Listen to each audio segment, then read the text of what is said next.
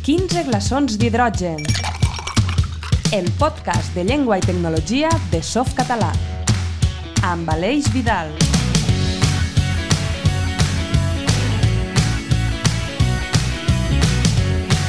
Ei, com esteu, companys? Uh, doncs aquí, nosaltres amb, la, amb el gotet, prenent alguna cosa en aquesta taverna que ens encanta.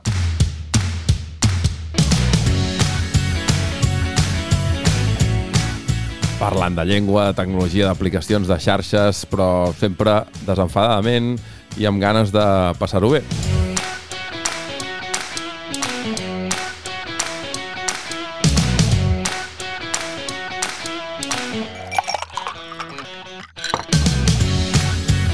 Acaba aquest abril amb un molt de sol, eh? amb un Sant Jordi que ens ha deixat aquí les piles ben carregades, llibres, roses, poesia, amor... I què millor doncs, que fer aquest nitrogen nic romàntic. Nic romàntic. Sembla un joc de paraules. Ha sigut casualitat. Ja sabeu com posem els noms als nostres episodis. Així que, eh, romàntics o no, començarem amb aquest episodi del 15 glaçons d'hidrogen.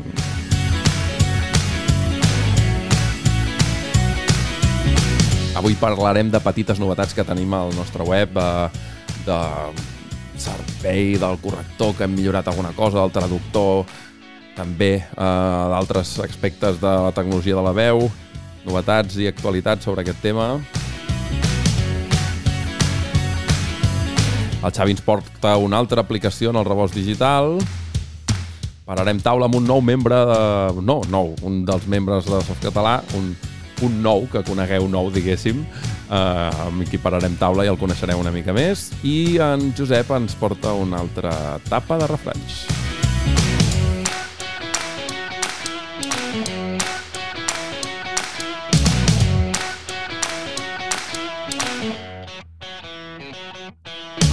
I acabarem a la barra parlant de dinerons, sí, sí, de dinerons. Softcatalà eh, necessita dinerons, sí, no?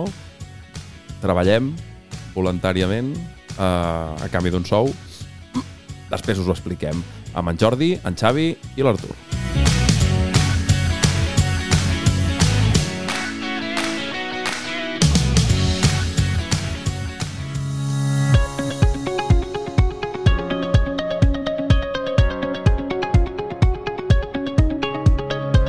L'aperitiu d'actualitat.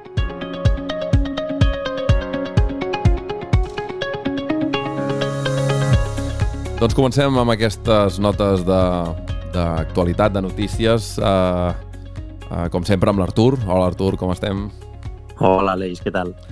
A veure, què ens portes aquesta vegada? El servei, el servei de mètriques del corrector tinc apuntat aquí. Uh, sí que ha sortit una finestreta nova, no?, a la, a la pàgina web de Softcatalà, allà al corrector, surten uns números, unes coses... Què, què, què és això? Què és això? Sí, sí senyor. Eh, en, en la nostra aventura, sempre per millorar els serveis que tenim, eh, hem estat pegant-li voltes a com millorar el corrector ortogràfic i gramatical que tenim al web, no? el conegut eh, i famós corrector de Softcatalà. I el que hem afegit és, eh, un, és un primer pas per a fer una espècie de corrector d'estil, no? i hem ficat un quadre eh, en un costat, si ho mireu a l'ordinador o a la part de baix si ho mireu a, en el mòbil, no? On podeu llegir mètriques del text que acabo de corregir. Podeu trobar ahí paràmetres com la llegibilitat, el temps de lectura, mm -hmm. quants paràgrafs té, quantes paraules, caràcters, síl·labes, i és un, una xicoteta informació del text que acabo de corregir que pot servir no? com per a ampliar la informació, la, les metadades no, de, del vostre text. Per si voleu millorar una mica l'estil o... No? Si hi ha algun, mm. algun... Sembla que hi ha alguna mètrica, alguna això que potser no acaba de quedar clar a què, a què, a què es refereix, no? Hi ha, un, hi ha una petita pàgina d'ajuda on, on defineix tota què és la legibilitat, sí. què és el, no? totes aquestes coses. Sí, proveu el corrector i mireu les mètriques, veureu un text ahí xicotet que diu significat de les mètriques i podeu entrar i podeu aprendre a què refereix quan diu llegibilitat de 59, mm -hmm. això què vol dir? Doncs al llibre ho expliquem i teniu tota la informació en aquest enllaç en la nostra web de softcatalà.org barra corrector.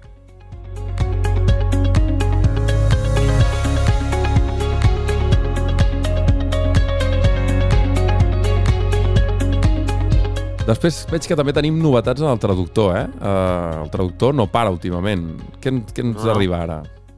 És l'any del traductor. El nostre company Jordi Mas va presentar fa uns dies bé, no, amb un fil del Twitter eh, una prova que estem fent del traductor neuronal, aquell que vam presentar ja fa un temps. Vam presentar un parell anglès-català, no? un traductor neuronal que era una tecnologia que encara Mm. nosaltres no havíem utilitzat en el nostre traductor. I, que, i que ara ja és cas, la, en, el, en el parell català-anglès ja és, és el per defecte, no? Uh, Sí, és el predefinit. Motor si entreu neuronal. al traductor, sempre per defecte gastarà el neuronal Uh -huh. en el parell anglès-català. No? I ara el que estem provant és un parell alemany-català, català-alemany també. Ale alemany. que, de Aquest, moment- aquest sí, no el teníem, no? No, és Ni un servei que encara no oferíem. Ni en Apertium, eh? I- És a dir, sí, sí, no, nou. no, no, era la, no era possible fer la traducció alemany-català, català-alemany. uh -huh.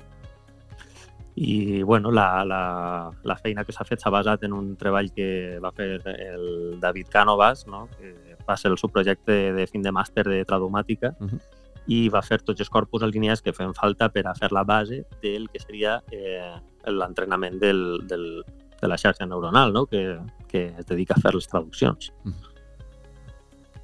Llavors de aquest, moment, aquest digues, traductor digues. ja el podem ja el podem provar o no? A la, pes, a la, de crec que la moment web està en una fase de proves Ahà. no? i en aquestes setmanes anirem intentant millorar el servei per a que les mètriques en les que sabem si es fa bé les traduccions o no Mhm. milloren i poder tindre una qualitat superior. Però si ho voleu provar, sempre podeu accedir a softcatalà.org barra traductor, guionet, eh, proves. A veure si el tinc així el, el, Sí, clar, l'enllaç és, és una, és un enllaç, és una adreça, el diguéssim, deixarem de tota manera interna, no? Però, digues, digues, Mm. però, sí, a les notes del programa posarem Eh, l'enllaç perquè el l'enllaç. pugueu provar. Sí, és softcatalà.org barra traductor guionet, eh, neuronal guionet, proves. Molt bé. I ahí Aquí. podeu provar el parell nou, que de tota manera en les pròximes setmanes publicarem al- a l'oficial, no? Sí, si el proveu i veieu, sabeu alemany i, i veieu algunes coses que es poden millorar o així, doncs sempre anirà bé que us poseu en contacte i uh, segur que el Jordi Mas, que és el que l'està desenvolupant amb més, amb més d'això, més estona, uh, segur que li anirà bé. Uh, però vaja, això que aviat, aviat segurament serà públic, no? Sí, senyor.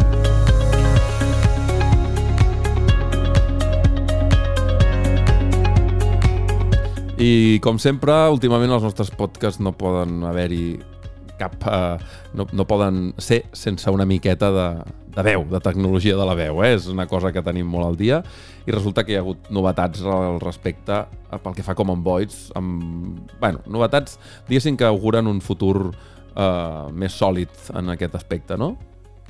Sí, i tant. De fet, el Common Voice, per qui no el recorde, és el projecte que va iniciar la Fundació Mozilla, no? la que està darrere del Firefox Mhm. i de molts altres projectes. Eh, va iniciar un eh, projecte que es diu el Common Voice per a poder eh, composar una base de dades de totes les llengües que vulguin participar, oberta, lliure, que tothom poguera eh, aportar la seva veu voluntàriament o el seu temps per a poder muntar això, el que és la base de dades que pot eh, ajudar a des desenvolupar eh, tecnologies de la parla, no? de reconeixement de la veu. I en este cas, eh, la notícia és que Nvidia, la, la, empresa eh, que pues, fa eh, targetes gràfiques no? i tota aquesta, eh, aquest gegant de la tecnologia ha fet Sí, sí. una, una, com, una col·laboració amb Mozilla, no? invertint uns dinerets per a que el, al, al projecte Common Voice per a mm, financiar-lo de manera que en el futur no hi hagi problema per al seu desenvolupament, no perille i pugui continuar perquè està fent una feina eh, vamos, top en el sector de la, del desenvol- desenvolupament de la parla ara mateix. Sobretot per les, per les llengües eh, que no tenen mm, notorietat per les primeres marques, no diguéssim. En el cas del I tant, català perquè- és, és clau, no? Aquests dina si arriben dinerets... En tots els projectes en català, si arriben dinerets van bé, eh? Que això a Softcatalà també ho sabem, Sí. que el voluntariat Penseu és, que- és, és, és, és bo, però sempre es necessita... I Com penseu que eh, ara mateix eh, tots els, els grans esforços que estan fent en el camp de la tecnologia de la parla el fan empreses eh, de parla anglesa normalment, que només aposten per les llengües que li poden aportar un, un rèdit no, a l'empresa, un benefici, anglès, eh, xinès, eh, espanyol, i les llengües més eh, xicotetes no estan al seu radar, anem a dir. No, no, no inverteixen diners en desenvolupar aquestes tecnologies per a llengües menors, anem a dir. I el projecte de Mozilla és fundamental per a totes aquestes llengües no tan grans que puguen desenvolupar aquestes tecnologies i que tots puguem parlar-li al nostre assistent de veu i que ens entenga, ens conteste i, i de tot.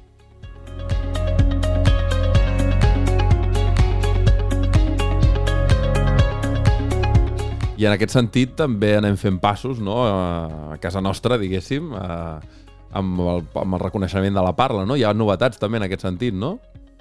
Sí, sí, sí, sí. Això és un... De fet, en guany em penso que serà l'any de, dels models de, de reconeixement perquè està ara mateix, gràcies al Common Voice i a, altres, i a la feina d'altres col·lectius i altres comunitats, és una, una àrea que està, en, almenys en el català, en, en efervescència, anem a dir. No? Ara el nostre company Kieran O'Reilly ha publicat, fa un mes, vora un mes, que va publicar el, el primer model de reconeixement de la veu basat en una tecnologia que es diu WAV2 No? És, en anglès, eh, de fet, tenim una notícia publicada al nostre web, que si mm. teniu curiositat la podeu llegir, i bé, és una altra, una altra, una altra manera de, de fer el reconeixement de la parla amb xarxes neuronals i, de fet, li podem preguntar al mateix Kieran que, que ens parli un poc de, de què significa tot això, què sembla. I tant, i tant. Uh, com vulguis. Endavant. Un motor de reconeixement de la parla és un sistema que converteix un, un àudio, una ona de so, en, en la seva transcripció escrita, no? en les paraules que, que es diuen en aquest, en aquest àudio. I com funcionen els diferents motors de reconeixement? Normalment el que, que es fa a Caldi o, o amb el Deep Speech és eh, fer un pas previ per extreure les, les característiques especials d'aquesta ona, normalment amb, amb unes transformades que el que treuen és el, el Mel Frequency Capsular Coefficients, i aquests coeficients són els que s'alimenten a una xarxa neuronal que després dona com a resultat, en el cas de Caldi, són fonemes que amb un model de llengua diguéssim, es, es converteixen en la paraula detectada. Amb el Deep Speech, la xarxa neuronal directament dona com a resultat grafies que també s'alimenten a, un, a un model de llengua per decidir quines grafies tenen més sentit, diguéssim, una darrere l'altra, no? I, i quines grafies formen una paraula i quines paraules apareixen més sovint una darrere l'altra, no? Tots són tot probabilitats. I eh, en quant al WAP to Vectu, quin seria la, quina seria la novetat? De, de doncs el, el WAF to Back el que fa és intentar aprendre les representacions de la veu i ho fa eh, alimentant una xarxa neuronal directament amb la, amb la ona de so que aprèn a extreure aquestes característiques especials i després eh, fa servir una, una cosa semblant al que es fa amb el, amb el BERT, amb els Transformers, no? Un, el que fa és d'aquestes característiques que tret per una donada ona de so, n'amaga unes parts i és una, un transformer el que intenta esbrinar com serien aquestes parts que ell no veu. És una mica difícil d'explicar, de, però una mica semblant, diguéssim, al, al que es fa amb el verd, per exemple, amb els transformers en general, no? Si tu tens una frase i li dones com a entrada aquesta frase sense una de les paraules i, el, i la xarxa neuronal intenta esbrinar quina paraula era i després ho compara amb quin és el resultat correcte, no? I d'aquesta manera el, el WAF2Back el que fa és aprendre per si mateixa, diguéssim, quines, quines són els elements més importants d'una ona de so de cara a fer la transcripció. Doncs moltes gràcies, Kiran, per fer-nos 5 cèntims en el sistema del WAP2Back. Eh, ens ha agradat molt de... Esperem que, que això continue desenvolupant-se. Gràcies, Artur, per aquestes notes d'actualitat. A tu.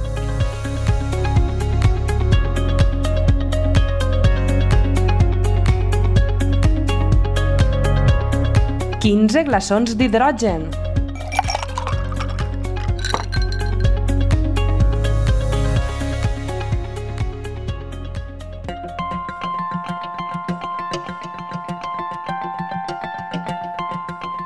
Us agrada anar d'excursió, caminar per la muntanya, fer mm, escalada, eh, córrer, anar amb bici... Avui escolteu la proposta d'en Xavi perquè crec que us agradarà.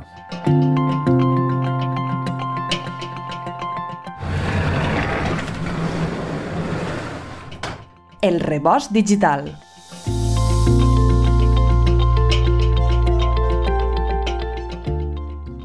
Avui volem presentar-vos un programa una mica diferent del que vos presentem habitualment. Diferent perquè en este cas es tracta d'una aplicació per a mòbil i també perquè no és una aplicació de programari lliure o de codi obert. Però és una aplicació que és un referent al món en el seu sector i que va néixer com a web en català l'any 2006. A més, ara que comença el bon temps i que a molta gent li agrada descobrir la natura que l'envolta, és el moment indicat. Parlem de Wikiloc. Com ja he dit, fa 15 anys, l'any 2006, Jordi Ramot va decidir crear una aplicació inspirada en la Wikipedia on tothom poguera pujar les seues excursions i rutes. Uns anys després va aparèixer com a aplicació per a mòbil, el 2011 per a iPhone i el 2012 per a Android.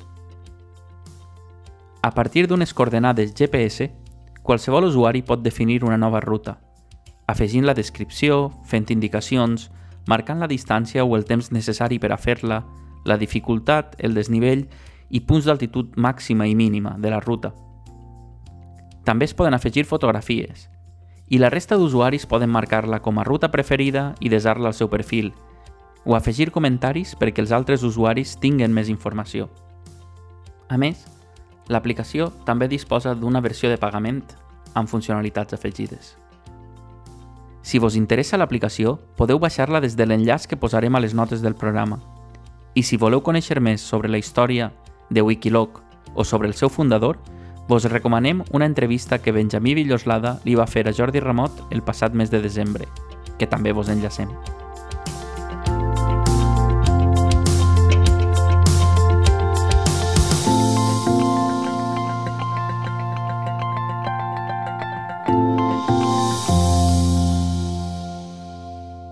Parem taula.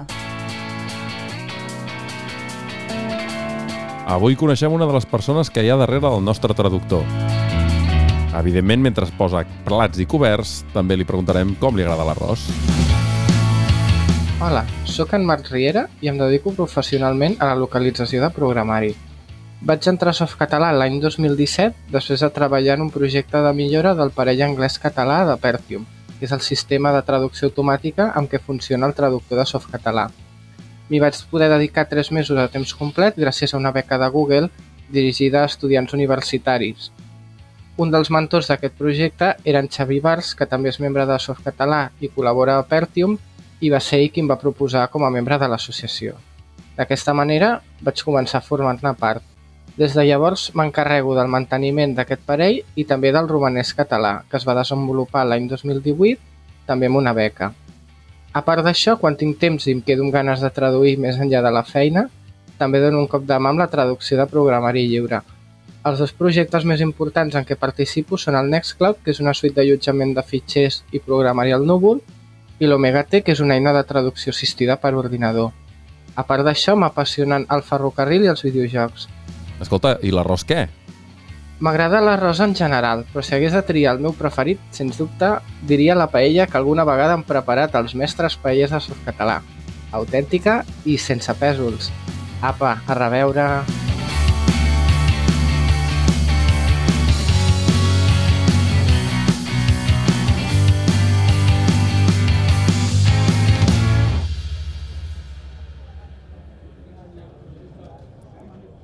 És parlar d'arròs i la taverna es comença a omplir. En Josep, però, els entreté una mica amb les tapes. Avui, una tirallonga de refranys. Una tapa de refranys amb Josep Closa.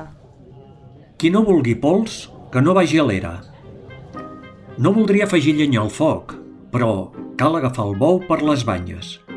El català va de mal borràs. O millor dit, va tirant de la rifeta. Aquí caic, aquí m'aixeco. Hostes vingueren que de casa ens tragueren. Hi ha àmbits fonamentals, com és el de les noves tecnologies, on no ens podem permetre d'arribar a misses dites.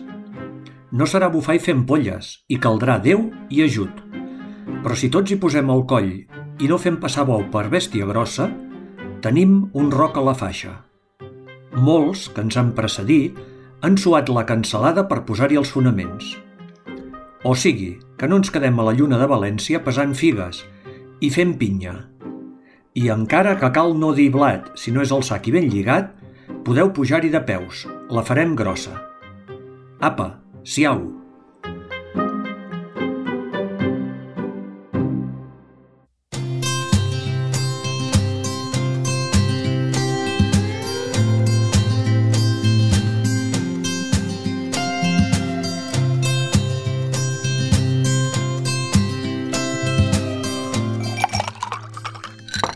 Barra.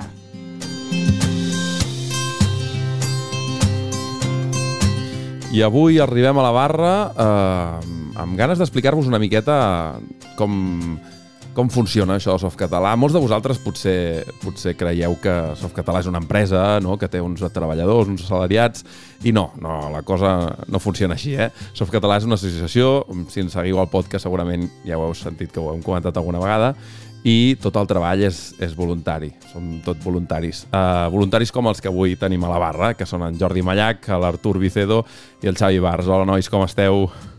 Hola, què tal? Què tal, com Hola, esteu? Aleix. A veure, expliqueu una mica això, perquè no n'en parlem tampoc gaire, però eh, sempre diem que som voluntaris, que els projectes de traducció, que el d'aquí i d'allà... Eh, no hi ha ningú que obri a Softcatalà, Xavi? No, no, ningú, ningú cobra ni un duro. Eh, cadascú fa bonament el que pot, quan pot, eh, traiem temps lliure d'on siga per a desenvolupar nous serveis, per a traduir programes i tot en el, en el nostre temps lliure. Eh, Softcatalà no, no li paga ningú per, per la faena que fem. El que sí que suposo que molts usuaris hauran vist a la pàgina web que hi han que hi han alguns, no molts, alguns banners de publicitat, no? Uh, això mm, dona diners, no dona diners? Com funciona? Bé, sí, això, això ens dona diners i, i de fet, és l'única font d'ingressos eh, recurrents que tenim. Eh, ja, fa, ja fa molts anys que vam decidir posar una miqueta de, de publicitat a la web per a, per a tindre un, això, uns ingressos que ens permetera, per exemple, mm, comprar servidors nous quan ens farà falta i també tindre diners per a, per a gastar en altres, eh, en altres coses, com per exemple, alguna vegada que hem hagut de fer reunions de treball o, o algunes jornades de, de traducció que s'han fet i també, bé, algunes trobades que fem cada any, però d'això ja en parlarem en un altre programa. Jo recordo una d'aquestes trobades que va arribar una caixa molt grossa, no? amb, amb una cosa que heu dit que era un servidor. Jo no no, no entenc gaire jo el tema, però sí que recordo el Jordi Mallac molt entusiasmat amb aquella màquina. Uh, clar, entenc que qualsevol empresa amb una pàgina web com la nostra, potent, amb serveis, eh, requereix tenir gent, un equip de manteniment, unes persones que vagin actualitzant, posant al dia, canviant serveis, no sé què. Això, eh, crec que el Jordi és el que controla això, oi? Eh, què, com, què ens pots dir d'això? Perquè, clar, eh, són moltes hores, i la, o, o no, o com, com, com, com, com ho portes això, a veure? Eh, bueno, sí, en, en, en aquella trobada vaig anar en el maleter ple d'una caixa enorme de Dell i allà dins anava, anava el servidor nou de Softcatalà, que és el, eh, al qual estem migrant tots els serveis ara mateix. I sí, bueno, la instal·lació del servidor la van fer més o menys eh, durant la trobada, que se suposa havia de ser més festiva que, que de treball, però, però bé, ja està. I, i res, eh, sí que de tant en tant li, li hem de dedicar més, més temps perquè, perquè softcatalà internament és, és complex tècnic, eh, tècnicament, però, però bueno, ho anem fent entre tots. Uh -huh.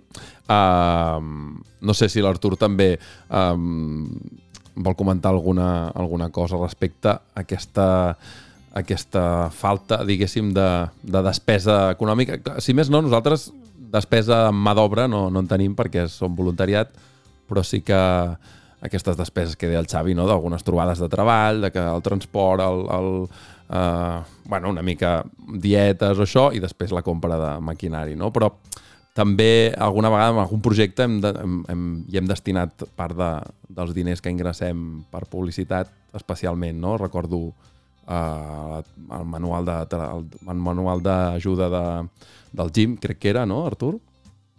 Mm, ara mateix no me'n recordo si era del GIMP o del LibreOffice, algú sap? Que un dels dos sí que vam destinar diners per a, poder finalitzar la traducció perquè eren una barbaritat de cadenes i no hi havia manera de, en el temps lliure poder finalitzar i sí que van dedicar esforços professionals, no? van pagar a algú perquè, perquè ens ajudara a fer-ho, però també és que hi ha que tindre en compte que Softcatalà no accepta donacions de cada tipus, no accepta mm, ajudes ni governamentals ni de cada tipus, només ens basem econòmicament en el que traiem de la publicitat del web. Entonces, eh, n'hi ha que destinar molt bé els recursos, n'hi ha que pensar molt bé a on fan falta els pocs diners que n'hi ha, no? i pues, sí, si n'hi ha jornades de treball, pues, n'hi ha que desplaçar-se a cap així, cap allà, si n'hi ha projectes importants clau que necessiten eh, insuflar els diners, pues, n'hi ha que posar també ahí de l'esforç. Claro, n'hi ha que els servidors també n'hi ha que pagar-los, n'hi ha que mantindre-los, n'hi ha que claro, un ser, tots els serveis que prestem al final necessiten manteniment i uns diners, no?, ahí darrere. Mm -hmm. Estava veient que sí que era el, el manual de, el, del gym, que recordo, si no recordo malament, em sembla que vam fer un experiment de, de provar per única vegada, em sembla, traduir del, de, automàticament del castellà al català i fer una correcció després, i aquesta correcció, revisió, va ser el que vam contractar unes quantes hores de, d'un corrector professional, em sembla. Um, doncs sí, són coses que anem fent, no? amb els diners que anem recollint de les vostres visites, del vostre ús a la pàgina web i els serveis, els múltiples serveis que tenim a la web de Softcatalà, doncs anem invertint-los en, en, bueno, en millorar um, recursos, material i tot, evidentment, sempre ho posem a l'abast de tothom. Uh, com a, com, com a part membres de la comunitat de lliure i de programari lliure no? que ens sentim no? en part, jo crec, Xavi o Jordi, que, que us s'assembla en aquest sentit. El retorn a la, el retorn a la societat no? de, dels, la, dels treballs que fem. Sí, aquesta és la idea. Tots els diners que gastem que, que puguen revertir directament en, en la, en la missió de, de Softcatalà, però eh, directament en la gent, en, el, en els usuaris, en els catalanoparlants, eh, per, a, per a que hi hagi una millor, eh, una millor condició de la llengua a internet.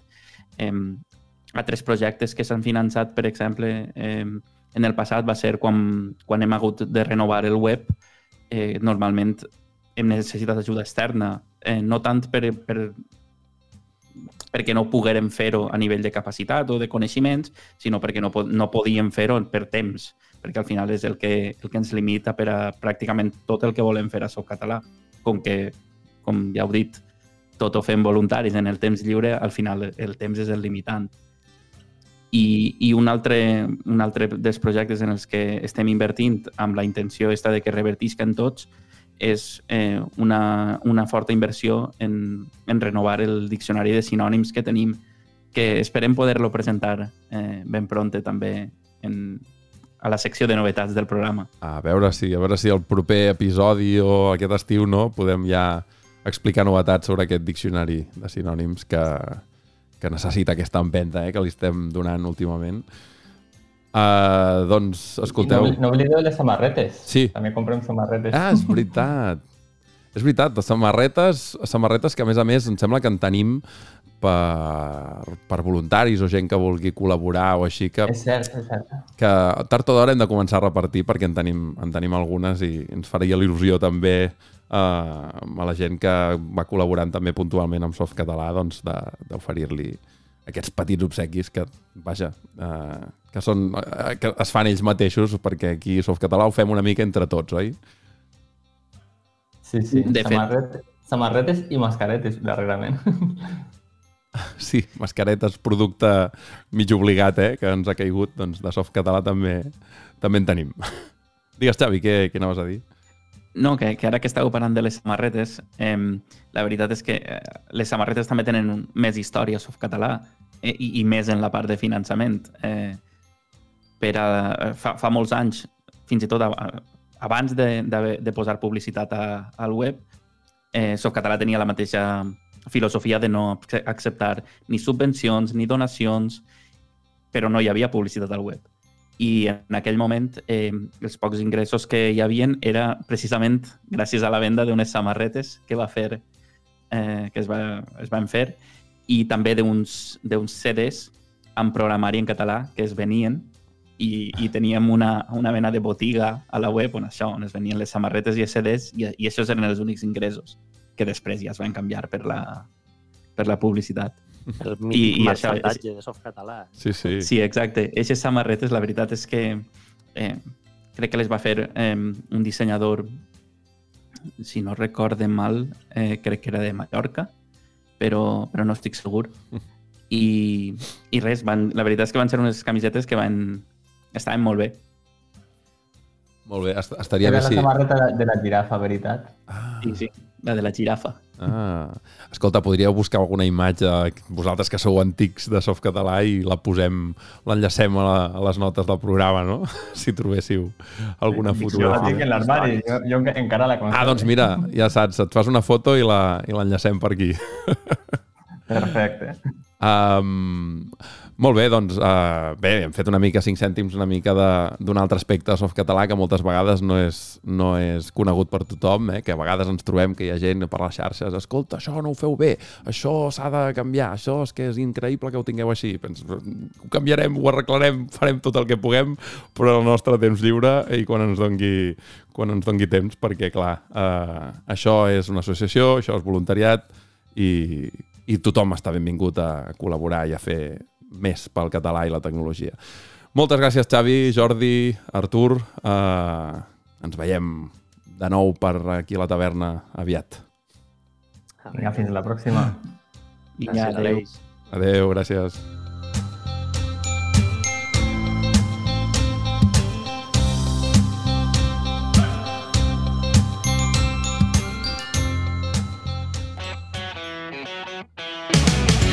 I per avui ja hem xerrat prou. Uh, recordeu seguir-nos a les principals plataformes de podcast per estar al dia de llengua i tecnologia.